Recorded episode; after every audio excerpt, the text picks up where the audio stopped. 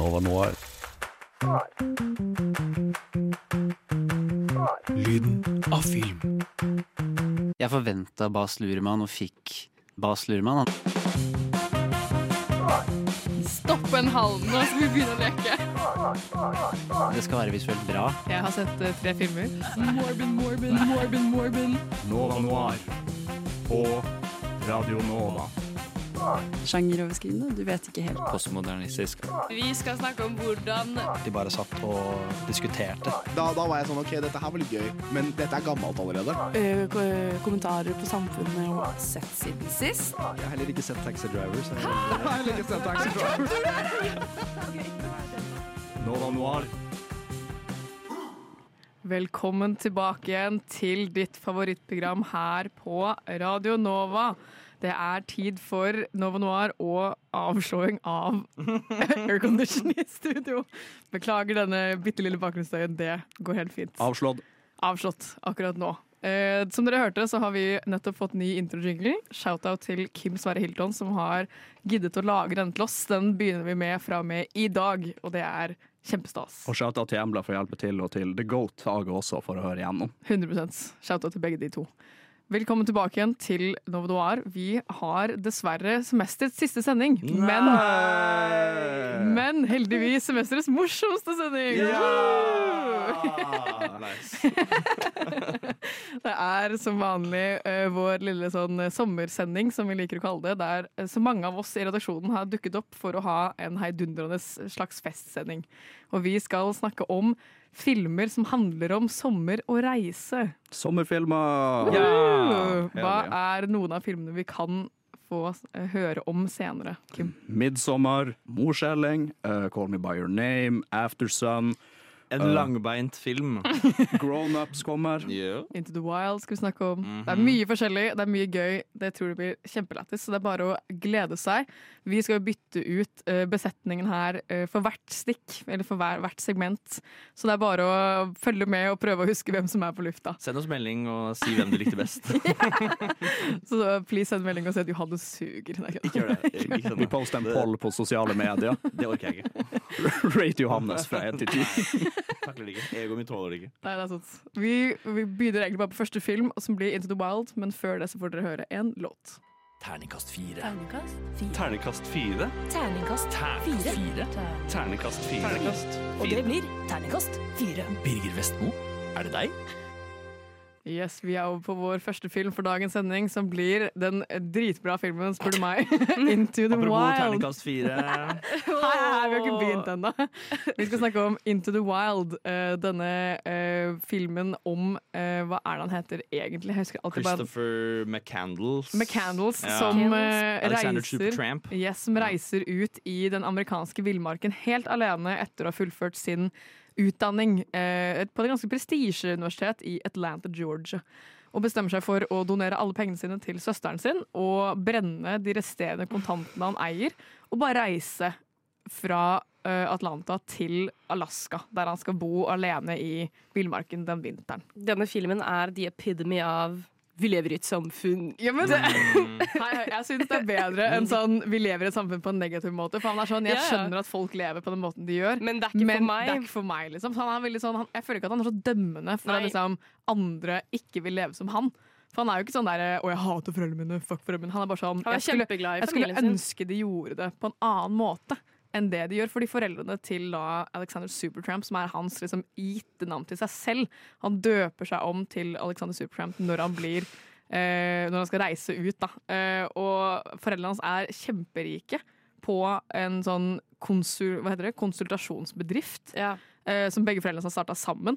Eh, men pga. denne bedriften så har da foreldrene, foreldrene hans uh, havnet i liksom, uh, forholdsproblemer, de har vurdert å skille seg, søsteren hans har det ikke sånn dritfett.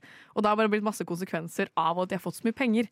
Så han er da sånn ja, dette, dette er ikke min virkelighet eller min sannhet, men go foreldrene mine, jeg er glad i dem, liksom. Jeg kan bare ikke leve sånn. Ja, det er jo veldig sånn Lykken ligger ikke penger lenger. Og det er mye bakenforliggende som du ikke mm, Som ikke snakker så mye om alt det forholdet mellom foreldrene og sånn, som sikkert har fucka han opp ganske mye. Sannsynligvis. Men, eh, men jeg har mine tanker om denne filmen. Den er, det er en irriterende slutt. Og så har jeg ikke lov til å synes det er en plagsom slutt, fordi det er jo basert på en helt ekte person. Ja, Det var ja. akkurat det som skjedde på i virkeligheten. Ja. Men Mm, Ja, om det var akkurat Det var- Det er, det er jo basert på en Mm. bok som han skrev selv. Ja. Det er jo eh, for dere føler de, tatt seg noen, de, må, de må nok ha tatt seg noen litt, Litt eh, friheter, kunstneriske ja, ja. friheter. Men altså, ja, han dauer jo, da. Han gjør det, og han gjør det på ekte også. Ja, dette er det er ikke noe nytt. Han dør jo på 90-tallet, så dette er ganske lenge siden. Men du flytter ut i villmarken, du kunne ha blitt spist av en bjørn, noe litt fett og nobelt nå, og så spiser du en plante fordi du ser feil. Og så bare klarer du ikke å ta til deg næring, Men sånn, og så dør du. nå skal jeg spørre dere. Dersom du Johannes, hadde gått ut i skogen eh, med sånn halvopplæring, Mhm. og hadde du klart å finne en plante du hadde klart å overleve på å spise? Absolutt For ikke. det, ja, det jeg Det tror skjer ikke jeg hadde fått til. Alle bær er røde. Alle bær er røde. og jeg hadde, jeg hadde daua innen en uke. Momentant. Ja, ja. Umiddelbart. Hvor lenge kan man gå uten mat og drikke? Den, den lengden av tid man kan gå uten mat okay. det er så lenge jeg hadde levd. Så du men du hadde ikke drukket vann engang heller, i usikkerhet om det var vann? Ok, jeg tar det, tilbake. Jeg er litt usikker den- på om er vann. Ja. Jeg tror Man blir ganske rar etter et par dager uten mat, så det kan godt hende at jeg hadde blitt eh, paranoid. og Ja, men, og ikke for å nevne det at han er jo helt alene. Jeg hadde, det hadde klikka for meg. Han er jo flere måneder typ, uten å møte eller se et annet menneske. Det, du blir vel gæren passe fort av det også? Ikke nødvendigvis. Det er jo folk som har bo, bodd alene i villmarka i mange, mange, mange år, og som flytter tilbake igjen. Er sånn, Ja. ah, det gikk helt fint. Det kommer jo bare an på liksom, hva du føler passer for deg. Men dette argumentet med at han blir liksom øh, At han begynner å hallusinere, syns jeg er et greit argument. Det er jo sånn man kan jo sitte og si sånn 'Å, det var en drittslutt', men det var en fyr som ble daua av dette Ja, her, liksom. Men hadde jeg gått mange dager uten mat, så hadde jeg blitt ganske ør i hodet. Og når jeg da skulle funnet en plante som ligner på en annen plante, så hadde jeg sannsynligvis tatt feil. Og gjort akkurat samme tabben som han, uansett hvor mye opplæring jeg har i botanikk, liksom. Jeg, jeg føler det er nesten litt sånn eh, skylden til denne jævla boka. Hvor som putter den, den, den Ja. som er helt lik, men uh, giftig ba, i siden bak. Mm. Den som er helt lik og ikke giftig. Eh, Foran, ja, foran, ja. De burde kanskje stått ved siden av hverandre. Ja. Ops, ops. eh, Det er en plante som ligner som du dauer av hvis du spiser. Men hvis det er noe for å gå tilbake til tema for sendinga, er da, reiser og sommer, Dette er litt juks, så kanskje. Hva da? Vi jukser kanskje litt her. ja, Ja. litt. Men det er ikke noe farlig. Uh, er jo, jeg tenkte veldig på, for filmen er delt inn i uh, små kapitler, sånn som det er i boka hans, med liksom eh, at han blir født, der da han liksom bryter ut av samfunnet. Og så er det uh, ungdomstid, eller adolescence, og så er det liksom tenåring, voksenliv, bla, bla, bla. Og jeg syns det passer så godt at han er på en fysisk reise, Mm. men også en sånn Mental. mental reise. At han liksom blir født på ny i gåstegn, at han har en ny oppvekst med sin virkelige sannhet, på en måte. Og det syns jeg er litt gøy. Jeg føler kanskje eh, skaper av filmen har litt sånn der eh, Litt sånn biased overfor kristendommen. Fordi Ja. helt, helt, helt til slutt så, eh, så, skri, så kan du liksom se sånn her, en, en sånn liten dialog, og så eh, kommer han med dette sånn her eh, 'Call things by its right name'. Mm. Og da har han skrevet sin siste quote Har han skrevet i sitt ekte navn igjen. For han, alle quotesa fram til da er liksom etterlatt med Alexander Supertramp. Supertramp. Men nå har han sitt ekte navn. Eh, også quoten er eh, I had a great life. God, is, no, God loves everybody. God is great. Et eller Ja, annet sånt. det er veldig, sånn det er veldig sånn rar slutt. Men, sånn, men jeg har også hørt at uh, folk som har vært i sånn liv og død-situasjoner med masse andre folk, har sagt at uh, ingen er kristne helt til de tror de skal Ja. dø. Og da plutselig så finner de Gud, da, på en eller annen måte. Så kanskje det er Det er vel en slags dødsfrykt at nå veit du at du kommer, jeg håper ikke mm. at det ikke er noe etterpå, på en måte. Ja. Det er sikkert en sånn Jeg håper du i hvert fall kommer til himmelen hvis det er himmel og helvete. i hvert fall Kanskje skjær. Og altså, en ting til jeg ville ta opp. Ja. La dere merke til at en gang så eh, Eller innimellom så bytter de kamera, kameralinse. Så blir det sånn veldig sånn Ja. vidvinkel. ja. Eh, og det lurer jeg på er fordi at eh, de bruker kamera noen ganger som virkemiddel. Eh, helt til slutt så er det jo Han er jo helt ute av fokus på slutten, når han blir helt crazy. Eh, og da er han det hele tiden, helt ute av fokus. Og så er det noen ganger hvor han er i vidvinkel. Og det lurer jeg på om fordi han driver med noe psychedelics eller et eller annet sånt noe. For han jo gjør han- alltid veldig mye rart. Pluss at han bryter den fjerde veggen. Ja, det gjør han. Ja, I når han spiser dette eplet. Men han, ja, han sitter og spiser et eple helt på starten av filmen. Ved liksom eh, en bro en, og en foss. Han heter sånn der, 'Å, du er det beste eplet jeg har spist i mitt Mm. liv'. Og så spiser han et eple, og så titter han rett inn i kamera Ja, og og så- ser deg midt i øynene. Ja, Liksom. det er veldig rart, og det, ing- det ble aldri adressert. Nei. Ingenting som, lignende skjer senere. Bortsett fra at det var en, jeg tror det er en vidvinkelscene til senere. Men eh, ja. Men jeg skjønner det vidvinkel og ut av fokus, for han er jo helt ør i hodet av enten av å bli forgifta av den planta, som sikkert gjør han et psykedelisk utsatt. på en måte Eller bare være sulten Ja, til den ja. grad du får hallusinasjoner. Det er sant. Og så får han Tines mental breakdown som en liten treåring når han finner ut hva han har Altså, spist. det, jeg er backer, altså. Det er kjedelig å vite at du skal dø, da. jeg hadde gjort akkurat det samme. Vært sånn, wow, så kjipt, Jeg bare er et dårlig menneske. Jeg liker ikke slutten. Syns han er håpløs. Det er en ærlig sak. Ja. Du er et dårlig menneske. Det er sant. Johannes. Vær så god. Uansett, dette er en eh, ganske kul film som jeg i hvert fall liker. Vi kan jo kollektivt gi den et terningkast. Jeg, jeg liker den også veldig godt, og jeg blir alltid veldig rart humør av den. Ja. Jeg blir alltid sånn der, jeg drar nå. Med en Jeg gang. må Jeg, reise. jeg skal bo i et tre. Med en Ja, ja. eneste gang. Jeg blir sånn Erlend Du ligner litt Doppler-type. på han hvis du hadde fått mer skjegg, Johannes. Ja, det er helt lik han. Nå vet dere hvordan jeg ser ut. Det er, Ja. ja. Ja, Det helt lik. er Johannes, egentlig. Det er Filmen er basert på Johannes. Det er sant. Det er i hvert fall en eh, eh, kul, bra reisefilm, og vi vil anbefale dere å se den. Vi skal videre til Mors Elling, men før det så får dere høre en låt. Du, du, du lytter til Nova Noir. Du lytter til Nova Noir hver torsdag 10 til 12.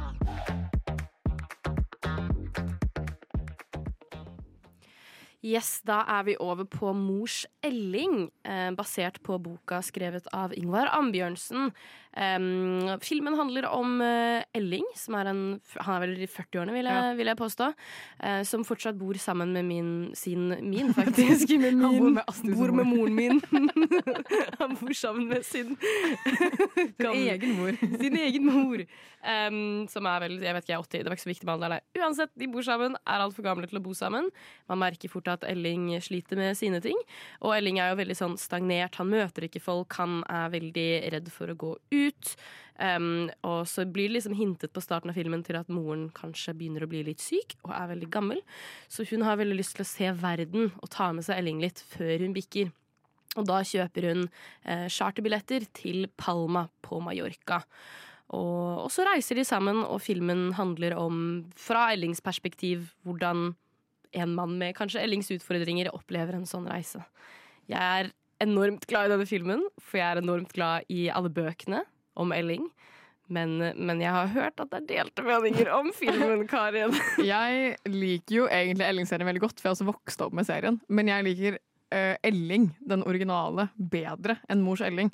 Og Mors Elling er jo kronologisk den første i liksom, serien, men den andre filmen som kom ut. En Elling prequel, Ja, rett og slett. riktig, men som kom ut etter Elling. Eh, så jeg må nok si jeg er veldig mye mer glad i Flesk og duppe-Elling enn eh, La Palma eller Palma om Elling. Palma, Palma om Elling. Palma Elling.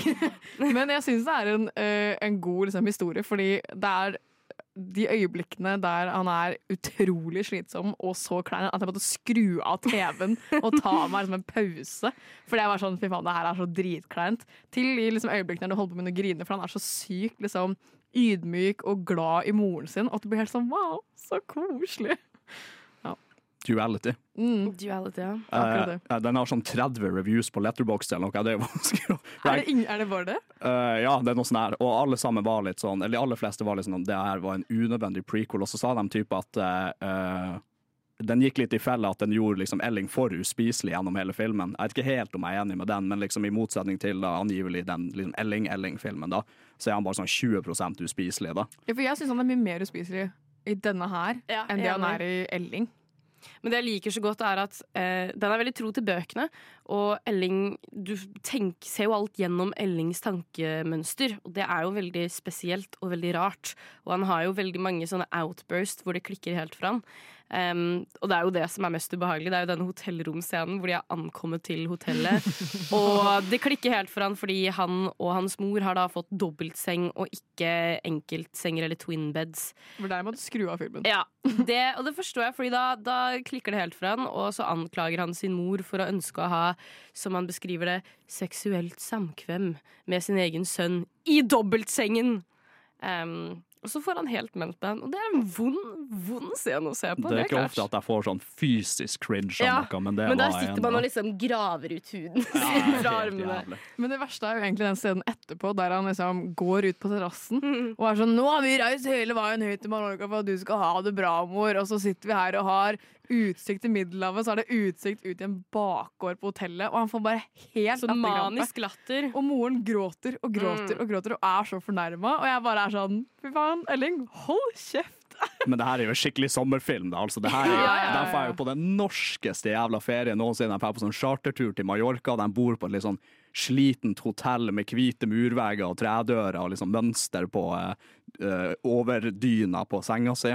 Og drar på stranda, liksom. Og så er det en norsk guide som heter Grete, som Ja. skal liksom passe på de hele tiden. Og menyene er oversatt til hva han sa, tysk-svensk, men ikke norsk, som var det internasjonale internasjonale Ja, oljespråket. jeg reagerte på det! Pussig nok.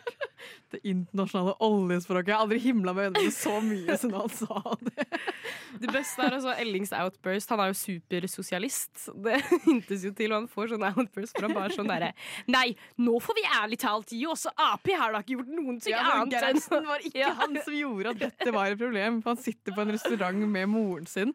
Og uh, denne eh, eh, Hva er det? Kons- korporal Bugge Korporal. Bugge Høvik, som de møter på flyplassen. Som liker moren til Elling, og det liker ikke Elling. Det er sant. Og så da liksom uh, korporalens venner. Og så sier han ene vennen til korporalen et eller annet skikkelig antisosialistisk, sånn skikkelig Mm. på kanten, og Elling bare klikker. For han har sånn bilde av uh, Gro Harlem Brundtland Ja, på, på veggen, veggen. hjemme, og masse avisutklipp, og han er bare skikkelig Elling er idolet mitt på så mange Ja, ja. Og så er han sånn Nei, vet du hva, det her kan ikke du sitte og si. Og så kommer han med en sånn lang tale om liksom hva han har sagt som ikke gir mening av feil. Og så går han bare fra hele restauranten. Og så kommer den fantastiske scenen hvor han blir møtt av disse to prostituerte.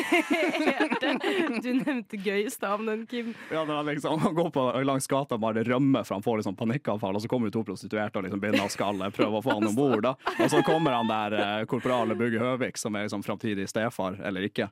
eh, og liksom redder han fra dem, da, og bare sånn sju-sju, bort med dere, ikke sant? Og så tar han han bort for en liksom sånn eh, stefar til sønn-samtale, og så starter han korporal Bugge Høvik samtalen med sånn jeg husker min første gang da jeg ble antistastet av horer i London. Jeg bare sånn, en, det er en syk måte å starte en dyp samtale på. Jeg syns det er uh, tidenes sommerfilm, det må jeg si. Ja, det, er liksom, det er Mallorca, det er strand, det er busstur til gamle ruiner. Det er liksom bare Det er all inclusive av helvete. ja, ja, det er den det. mest norske ferien ever, og det er alltid en, en eller annen uh, hotellresepsjonist som heter Juan. Det er alltid det. Mm, Som liksom. snakker jævlig dårlig svensk. Men bedre enn forventet. Absolutt.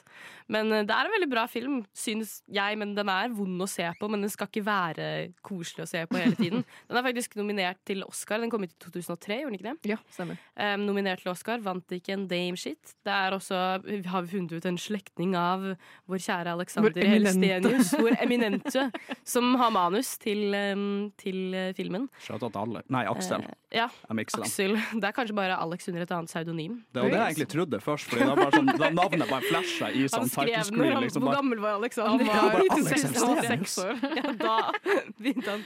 Veldig bra. Men nei, absolutt se filmen, men jeg vil anbefale å se den eh, med de andre Elling-filmene også. Gjerne les bøkene. Absolutt. Em, vi skal videre til 'Midtsommer', men før det får du høre en låt. Du hører på Nova Noir, filmprogrammet på Radio Nova. Spoilere kan forekomme.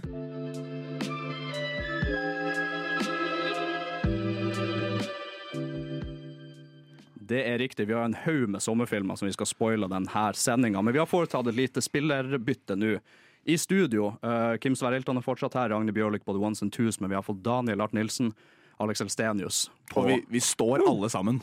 fordi det er fette varmt Ja, og det er er skinnstoler. Samtlige stoler Og vi er så jævla gassed på den sendinga her. Men uansett så skal vi snakke om 'Midtsommer' nå, som er sånn Det er jo en sommerfilm. Den heter, heter, det er, det den heter 'Midtsommer', jo. Er sommer i navnet. Sommer er i navnet. Blir ikke mer sommer enn det. Og så er liksom midnattssol der og alt mulig. Men det filmen handler om, da, er egentlig en tragedieprega uh, ung dame da, som bestemmer seg for å bli med kjæresten og studiekompisene hans på en sånn eh, intern landsby sommerfestival. Sånn, eh, nei, hva skal jeg si, sånn nordisk eh, religioninspirert greie som bare foregår et eller annet sted langt ute i Ji-Hi i Sverige. Eh, og så når de kommer dit, da, så skjønner de jo ganske fort at ting er ikke sånn som eh, sånn som det kanskje burde være. Eller Nei. at de opererer etter egne lover og regler. Mm. Det er veldig sånn kultaktig. Uh, og jeg så denne filmen her for første gang i går, liksom, og jeg var ganske disturbed. Uh, Alex? Jeg så den også for første gang nå for et par dager siden. Eh, og etter å ha sett liksom, no Bo Was Afraid nå tidligere Vi kan jo nevne at det er Ari Aster eh, eh, som har laget den, en A24-film. Eh, og etter å ha sett Bo Was Afraid så på en måte fikk jeg, liksom, jeg fikk litt mersmak på Ari Aster. Så det var egentlig en veldig liksom, positiv opplevelse å komme inn til Midsommar og liksom, kjenne igjen den der, eh, Ari Aster-stemningen nesten fra, fra starten av. Eh, og det er jo Det er jævlig dystert, dystert fra, fra børjan.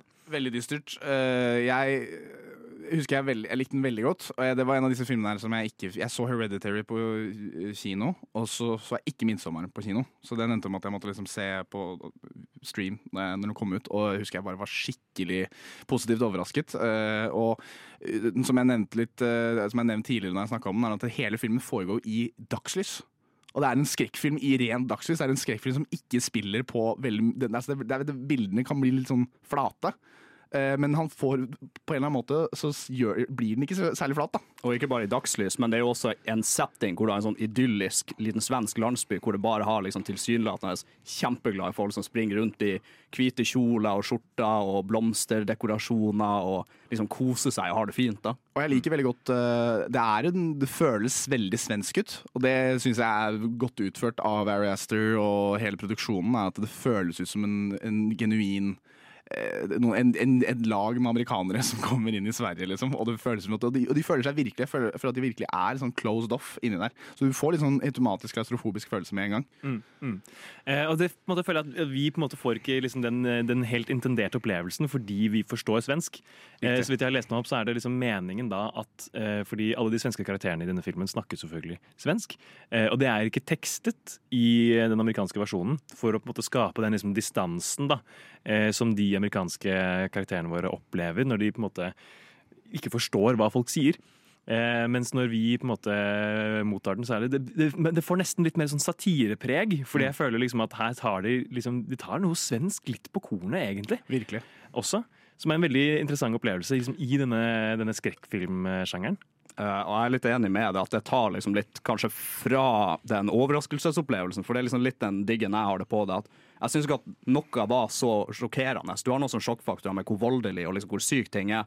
Men jeg følte ikke at uh, hemmelighetene på en måte var så godt bevart. Fordi de skreller seg jo på en måte lenger og lenger ned i den løken her for å liksom finne ut hva er som er greia. ikke sant? Er, hvorfor er de folkene syke i hodet? Men det var ikke noe som var sånn Det var ikke en sånn stor reveal, da, på en måte. Og til en annen film som Mary Astor har regissert, som er Hereditary, så syns jeg på en måte at han gjorde jeg syns den var like god på den der eerie stemninga og holde det liksom ekkelt og holde liksom fælt gjennom hele filmen, men den bygger liksom opp til noe mer sånn Til en større bang da på slutten.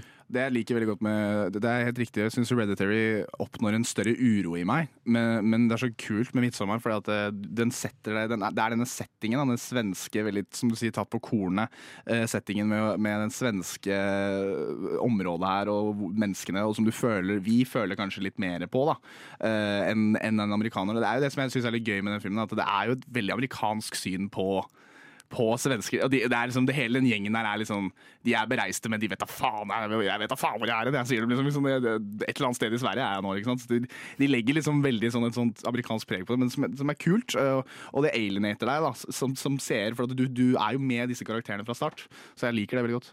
Og så er det jo på en måte en film eh, i en sjanger som, eh, som peker på en måte veldig mye til filmer eh, som har vært tidligere. da, på en måte. Eh, det er veldig mange åpenbare referanser til filmer fra 70-tallet, f.eks. Wicker Man. Eh, som er liksom den liksom, filmen, en, en britisk film fra 71, tror jeg, som har liksom formet eh, den, den sjangeren som er liksom kultfilm, da, som gjøres på den måten. Eh, og hvis man har sett litt sånn, så er det jo på en måte forholdsvis forutsigbart, handlingen som skjer. Eh, og også hvis du følger litt med, så er det veldig mye liksom, pl- devising. som på en måte, det, plantes noe som plukkes opp senere. Eh, så det er, liksom, det, er en, det er ikke en film som kommer med noen store overraskelser, men det er liksom hele presentasjonen som gjør, virkelig gjør det for meg. Eh, og liksom de utrolig vakre bildene og den creepy stemningen og liksom musikkbruken og skuespillerprestasjonene også, som er kjempeimponerende. Og den har en sånn stofflighet som er jævlig kul. Sånn der, du, kjenner, du ser alle elementene, du kjenner på alle elementene. Sånn, det er en sånn scene, for eksempel altså, du, ja, altså, scene med, Det er en sånn scene hvor det er liksom blod i et glass. Og det, er sånn, det, det, er sånn, det ligger litt sånn Det er litt rødt, det glasset. Og den, jeg kan se, jeg kan kjenne det Den er veldig veldig flink på å få deg til å liksom kjenne på disse her litt sånn grimy detaljene. Uh, og jeg kan liksom eh, Den her der dansen, den psykedeliske dansen rundt, uh, rundt denne pinnen, liksom. Uh, det er veldig mye av disse her virkemidlene de bruker som, som ser, da, aktiverer meg. Og det, som jeg syns er kulest med det, er det, dette sommeraspektet, faktisk. Som man kjenner. Man kjenner liksom varmen på en eller annen rar måte. Du tar, det tar meg tilbake til fotballturer til Pite Å. Ja. Liksom, og sånn, Ta meg tilbake tilbake til eh, Gotia-cupen eh, da vi var syv år gamle. Back in the days, altså. Rare svensker og sola som aldri går ned. Og, ja. Og så settdesignet er jo helt sinnssykt. Kan vi snakke litt om det? Altså, Ja. Hvor jævlig gjennomført er det ikke? Måten, altså, de, de ha, altså, eh, alt det her er filmet, eller mesteparten er filmet i Ungarn. Og jeg regner på en måte med at de har bygget egentlig alt selv. Eh, at det ikke er noe eksisterende som eksisterte da de kom dit. Bygget disse husene, bygget, og, som, og som malt på innsiden. Så utrolig vakre og gjennomførte eh, takmaleriene og liksom i det hele tatt, Den ser jo helt sinnssyk ut. Og de bruker jo det settdesignet også til å gi de frempekene som du snakka om der. ikke sant? Det du snakket om, det, det glasset med blod i. ikke sant? Det var jo sånn mensenblod som var brukt i sånne her ritualer for en sånn her trylledrikk, nesten, for å, eh, at eh, en person skal være utkåra til å få unge, liksom, med den som gir mensenblodet. Eh, og det ble liksom foretold via sånn eh, noe sånn tekstiler da, som forteller en historie og som bare viser hele den greia. Og du skjønner jo liksom når du ser på tekstilene tekstil, bare, oi, ok, her er noe sånn syke greier. Og så bare plutselig har han det sånn pubic hair i munnen sin. Og så Det var først da jeg la merke til at glassene hans var rødere enn de andre, og da det, det, det, det passer liksom. Ja. Puslespillbitene til slutt. Det er litt fucka med å si, men jeg tror på dette her. Er det litt sånn rart å si? Sånn der, jeg, jeg, jeg, kan, det, det føles ekte ut på en eller annen måte. Det er nok mange som har googla 'Is Hereditary' Nei, ikke Hereditary. 'Is Midsommar. Real'? Ja, liksom. fordi sånn, ja, men liksom. virkelig, for det, er, det føles så De har grounda disse detaljene av dette her et sektaspektet så veldig bra. Og, så jeg tror liksom, når jeg så på det, så er det sånn Faen, dette her dette er ikke så langt unna, føler jeg. Sånn der med det der, ja, det er denne mensenblodscenen er bare så sykt sånn Jesus Christ, jeg føler at dette her har skjedd i, sånn, i samme konteksten i, i Midtsommer. Ja.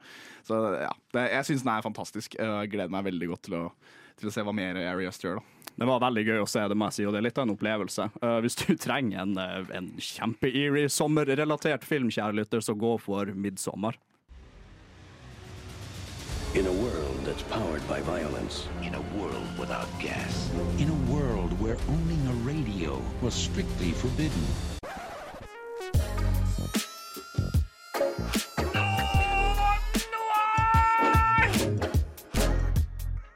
Vi er nå over på en, vår neste film, nemlig Call Me By Your Name, som handler om vår kjære Elio, som er 17 år og bor, eller har et feriehus i eh, Nord-Italia med sine foreldre, som er professorer. Eh, på, hver sommer så har de besøk av en eh, framtidig professorstudent, det er vel det, eh, som skal være der i seks uker og få hjelp til å skrive eh, doktorgraden sin. Eh, mot å hjelpe til i huset og hjelpe faren med hans research. Det er en sånn byttehandel, på en måte. Og, og i år så får da familien besøk av eh, den kjekke eh, Oliver, som Elio forelsker seg fullstendig i. Eh, hadde, dere hadde ikke sett den før, noen av dere? Nei. Som helt sykt, fordi oh. Oh my god. Jeg så, Astrid, den, eh, jeg så den for første gang i går. Oh my god. uh, og det er ikke det at jeg ikke har hatt lyst til å se den, men det bare, du vet man legger til filmer på liksom watchlisten sin på Letterbox, og så har jeg all Ja. kapasitet til å se dem. Den er jo, har jo vært på Netflix dritlenge. Jeg bare, men så kom jeg ikke til det. Og så var det en fantastisk mulighet for meg å se den i går. Og det var en film som gjorde ting med meg. Bra eller dårlig? Bra ting, Veldig Karin. bra. Det er en Bra. film som hadde passa bra til Coming of Age-sendinga Ja. også, faktisk. Absolutt. Jeg vurderte jo å pitche den, men så var jeg sånn Jeg har snakket om den på sending før. Ja. Så da valgte jeg å ikke gjøre det. Men også en prima sommerfilm. da Ja. Altså bare sånn Måten den er filma på, det som du sier at han var i Nord-Italia ikke sant? og sykler rundt omkring, og uh, det pianoscoren som er i bakgrunnen, det er jo helt nydelig der. Ja, musikken, for jeg har hørt musikken mange ganger. Uh, for vi dansa til den for sånn dritlenge siden. Ja, da oppdaget jeg det soundtracket for første gang. Så jeg har liksom hørt mye på soundtracket til filmen, men aldri sett filmen. Men det jeg syns er så fantastisk med den, ref sommer og sånn, den er så god på å få deg til å føle at du er i Nord-Italia.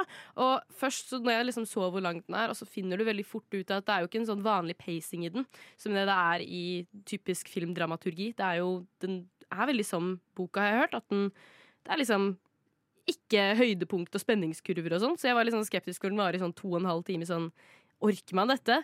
Men du tenker ikke på det, fordi du føler at du er med på sommerferien i Nord-Italia. Det er helt nydelig. To ting. Eh, for det første, Halvparten av soundtracket er jo ikke originalt. Det er jo eh, faktiske, klassiske komponister som yeah. har komponert det. Det er eh, en som heter John Adams, som har komponert første sangen som er i introen. Og så er det eh, Ravel som har komponert denne fantastiske piano-arpeggio-delen. Som alle er helt forelska i. Det er jo et eh, 100 år gammelt verk liksom, som de bare har brukt i filmen. Som bare setter så stemning. For han har jo skrevet det mens han var på ferie i Sør-Frankrike. Som ikke er så veldig langt unna Nord-Italia. Mm. Eh, så jeg syns det passer veldig bra. Og hva var det andre jeg skulle si? Det glemte jeg. Da går vi videre. Men det er noe å legge til det, og det er ikke bare soundtracket som på en måte dreier deg inn i filmen, men det er også fraværet av det. Fordi jeg, jeg la merke til at de bruker veldig mye sånn, jeg vet ikke hva man kaller det på filmsjargong, eh, men sånn uh, ambient lyder, liksom. Ja. Du hører liksom fuglene kvitre, og du hører når man ser en flue i kamera, så hører du flua summe rundt omkring, og du hører lyden av bekka ikke sant, som beveger seg, og blar som rasler og alt mulig. Så du blir liksom, du blir liksom dratt veldig inn i det. Det er mye stille på en sånn veldig fin måte. Men vi må snakke om fluene! Det er fluer gjennom hele filmen. Og jeg vet ikke om jeg bare liker å overanalysere ting, men de må være et symbol for et eller annet. Sannsynligvis. Fordi helt på slutt, når det er vinter i den siste shotet, så er det en flue til når han sitter og griner etter å ha ringt eh, Oliver, og så får man finne ut at Oliver skal gifte seg, og det er drittrist. Da gråter jeg selv. Gråter av det meste. Jeg gråter av den hver gang, og jeg ser den kanskje sånn Den tre ganger er jo trist og veldig fin på samme måte, men da er det en flue til, og da burde det på en måte ikke vært fluer der, fordi da er det masse snø overalt. Så i starten så tenkte jeg ikke noe over alle de fluene, men, men så på slutten så ble jeg sånn åh, shit, kanskje det er en dypere mening bak det, som jeg ikke har funnet ut av hva er ennå. Kanskje bare flua nevne er den røde sommertråden Ja. gjennom hele filmen. Mm. Jo, det jeg kom på hva jeg skulle si, det var det med boka. Jeg Ja. har jo lest boka både på norsk og på engelsk eh, eh, i ettertid. Eh, og det er jo egentlig ingenting som skjer. Der hele boka er liksom bare inni hodet på 17 år gamle Elio, som eh, liksom bare undrer på livet sitt og forelskelsen i Oliver, eh, og liksom eh, hvem han er, hva han skal gjøre, og ditten datten som en typisk 17-åring. Og så er du Du opplever kun det som skjer gjennom hans øyne. Og det er veldig liksom, poetisk og eh, rundt grøten, på en måte sånn som han snakker i filmen. Um, men den er jo liksom et element til til denne filmen. Eh, blant annet disse badebuksene som blir vist sånn veldig kort i, i klipp. For den som ikke har lest boka, så er det bare fire badebukser. Men i boka så handler det om hvilket humør Oliver er i til enhver tid.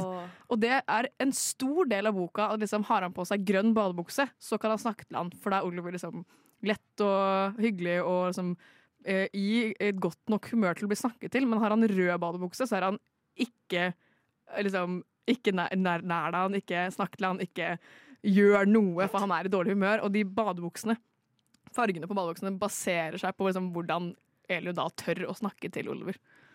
Det er en forbanna fin film, og jeg gråt også på slutten, før det liksom er veldig trist og han får den telefonen, når han har denne samtalen med sin far. Å, herregud. Og det bare er verdens Åh, nydeligste scene, og det, det foregår på 80-tallet, så man skulle tro at folk var mer homofobiske, og det ikke var veldig greit å være skeiv, og i hvert fall ikke å liksom komme ut til sine foreldre. Og det er ikke sånn at eh, Elio har kommet ut på noen måte, men faren skjønner greia.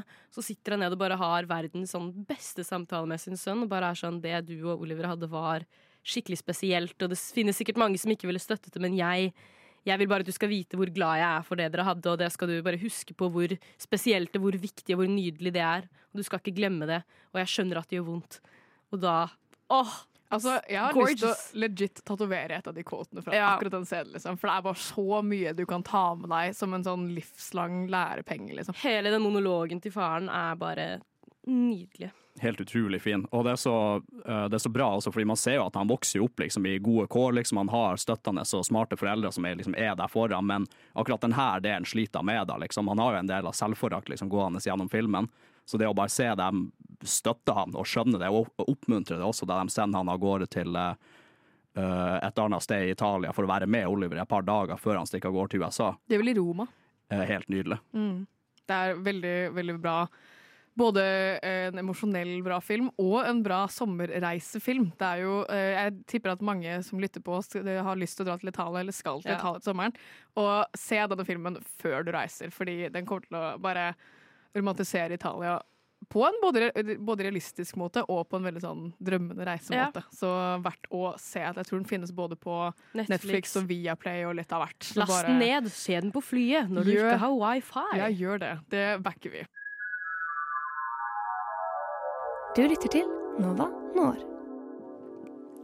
Og fra amerikanere i Italia skal vi gå til briter i Tyrkia. Vi skal snakke om eh, After Sun, den store åpenbaringen i ved Cannes-festivalen i fjor, som hadde norsk premiere tidligere i vår eh, her i Norge. Eh, og med meg her i studio, jeg heter Alexander, med meg i studio har jeg Ludvig Viltil. Anne. Og vi skal snakke om denne filmen. Har dere, altså, hvordan var deres opplevelse? Så dere den på kino da den kom ut? Ludvig? Jeg så den i går Ja. for aller første gang. Og jeg er fortsatt litt på den der prosessdelen. For det skjer liksom veldig mye eh, og veldig lite samtidig. Eh, så jeg er litt eh, Hva syns jeg egentlig? Jeg er nok mer positiv, men sånn i forhold til temaet Så hyggelig er det jo kanskje ikke. Egentlig. Hyggelige omgivelser, kanskje. Ja, nei, jeg så den ikke på kino, dessverre. Jeg så den faktisk på PC-en min hjemme. Eh, men det er fortsatt en av de beste sånn, filmopplevelsene jeg har hatt. Eh, fordi jeg gråt så mye. eh, ja, jeg tror jeg gråt sånn i en halvtime. Bare sånn gjennom filmen, og også sånn etter jeg hadde sett filmen. Eh, ja.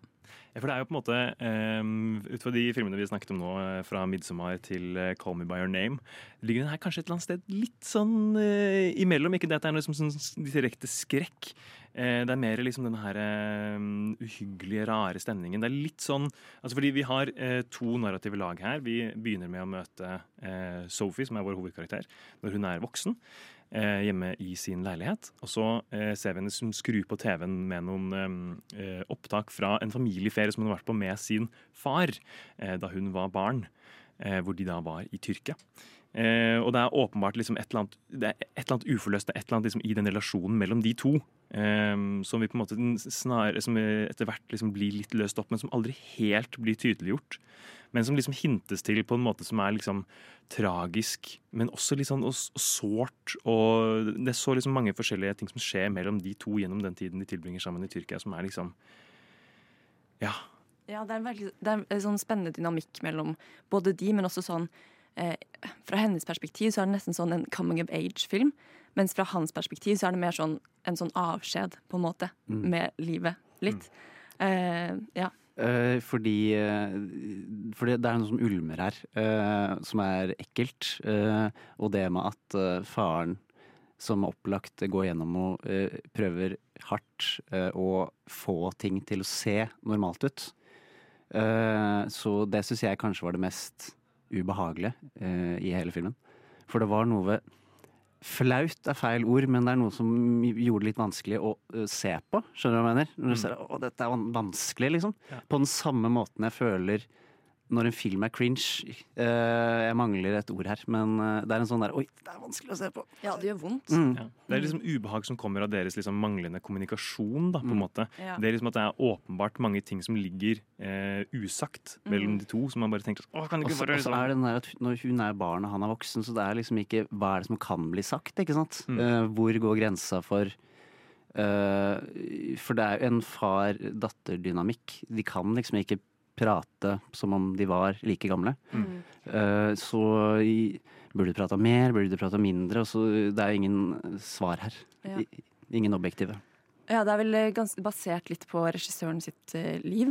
Eh, hun mistet jo faren sin eh, ganske etter en ferietur som de hadde sammen.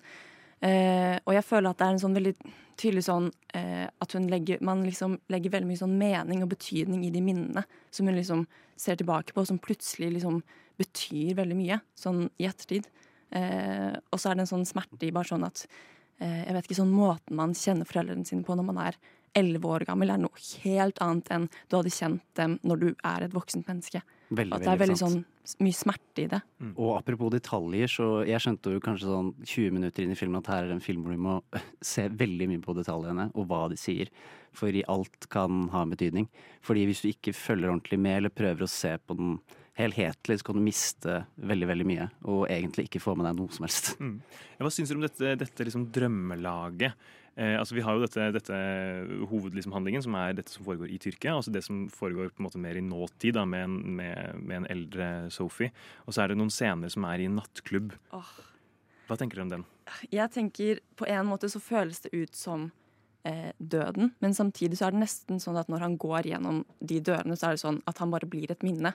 Og at når de er der inne sammen, så er det dette blinkende lyset. Og at det på en måte sånn representerer sånn at minner plutselig kommer og forsvinner, og at det er veldig sånn løst og flytende. Ja, det er at, og kanskje at minnet hennes blir vanskeligere og vanskeligere å huske. Mm. Fordi eh, jo lenger tid ting har tatt, spesielt hvis noe skjedde mens du er barn, så har du veldig lyst til å huske, men så klarer hun ikke å huske, og får kanskje veldig dårlig samvittighet for det. Mm. Eh, fordi det er jo sånn minner funker, dessverre, for hennes del. da. Ja. Og Det er liksom forsøket hennes på å nærme seg sin far ved å se på disse gamle opptakelsene. Skjønne litt sånn mer av hva som foregikk inni hodet hans. da. Eh, man får jo liksom, Det blir jo hintet til at han tar sitt eget liv Mm. eh, ved flere anledninger. Eh, og det, på en måte, det virker som om hun liksom prøver å liksom finne ut liksom hvem hva var det som foregikk inni hodet hans? Hva var det liksom disse tankene som førte ut til denne ekstreme handlingen? da? Eh, og jeg merket at altså, for, for min egen del, dette eh, denne, denne scenen da, med den dansescenen eh, var virkelig noe av det mest rørende, selv om det er, sånn, det er fullstendig dialogløst. Det er bare liksom de to som danser sammen. Man skjønner ikke helt Er det en drøm? Er det et minne? Hva er dette her for noe? Er det Ser hun det for seg mens hun er der, mens hun er og danser? Hva er, hva er liksom, hvordan fungerer dette her i resten av handlingen? Men allikevel liksom det å se på dem liksom danse og liksom ha alle disse hendelsene som har foregått i, dette Tyrkia-handlingslaget i tankene, blir liksom, det blir helt ekstremt Det blir så utrolig rørende. Mm. Det er liksom hennes forsøk på å nærme seg sin far, som hun aldri fikk en ordentlig anledning til å bli kjent med som et voksent menneske. på en måte. Man ser jo alle de tingene som han strever med, særlig liksom økonomisk. da. Eh, som blir liksom et gjennomgangstema gjennom, eh, gjennom filmen. At han på en måte Han vil så, vil, så veldig gjerne liksom unne seg og unne datteren sin alle disse tingene, disse materialistiske tingene som får en veldig stor betydning for han. Men han kan ikke, for han har ikke råd. Nei, og så kan man jo lure på hvordan øh, livet hans ser ut utenfor. Da. Vi får liksom ikke, vi får ikke svar på det, og så er det en scene hvor han står og prater med moren til Sophie inni en telefonkiosk, og du hører jo ikke hva han sier. Så dem, den samtalen øh, blir man jo veldig nysgjerrig på, Mm. fordi der kan det bli sagt veldig mye. For det, det virker jo på en måte som om altså for Han har flyttet fra eh, deres hjem i er det Irland eller Skottland, jeg glemmer jeg. Men i hvert fall til, eh, til en storby. Eh, og så er liksom Sophie vil gjerne at han skal flytte tilbake igjen. Men han føler kanskje ikke at han kan det. Jeg får inntrykk av at det er fordi at han føler at han ikke har oppnådd de tingene som han skulle gjøre før han kom tilbake, da, eventuelt. At han egentlig går rundt og føler seg som litt liksom eh, Litt som en taper. Mm. Mm. Og det på en måte Ja, det skinner jo gjennom i den der samtalen når du prater med denne ansatte tyrkiske mannen. Som prater om at livet ble ikke sånn han så for seg, at han fikk barn mye tidligere og Ja. ville egentlig gjøre noe annet. Men han var happy med det, da. Det er opplagt ikke, ikke faren her. Han bruker jo også ekstremt mye penger på det teppet. Mm. Mm. Ja, ja, det teppet Ja, som på en måte får en veldig stor betydning, Ja, som vi ser også Sophie har igjen senere. Og så må Det- vi jo snakke før vi går videre, så må vi jo snakke om denne scenen, denne karaokescenen. 'Losing oh, My Religion'. det er- det er så ubehagelig. Det er den mest ubehagelige scenen. Ja. Den illustrerer jo også liksom dette ubehaget som vi snakker om. Da. Det, er en, altså det er en scene for deg som ikke har sett denne filmen. Eh, så er det en scene hvor eh, Sophie har meldt seg på. Det er sånn, de er jo på en, sånn, på en resort i eh, Tyrkia eh, hvor det er eh, kveldsunderholdning. Eh, og nå er det karaoke i liksom et sånt uh, atrium hvor, altså, hvor, alle, hvor alle familien som er der, kan liksom melde seg på. De ser på hverandre synge karaoke og sånn. Uh, og så har hun meldt dem på til å synge det er vel egentlig hans liksom, favorittsang, er det ikke det? Eller deres sang på en eller annen måte. 'Losing My Religion'. Uh, og så nekter han å bli med. Ja. Og så må hun stå der alene og synge den sangen. Det som er så trist med hele scenarioet, er at han vil jo egentlig, får man inntrykk av, gjøre alt for datteren sin, ikke sant? Men her er han så blokkert og kanskje så dårlig at her klarer han ikke, på en måte. Ja, ja. Og det er det vi rekker å snakke om med med Aftersun. Dessverre. Vi skulle gjerne gått enda litt mer inn. Det er så mye å snakke om med denne filmen. Det er bare en varm anbefaling til deg å se den her i sommervarmen. Vi skal videre til Grownups, men før det skal vi høre Balanse.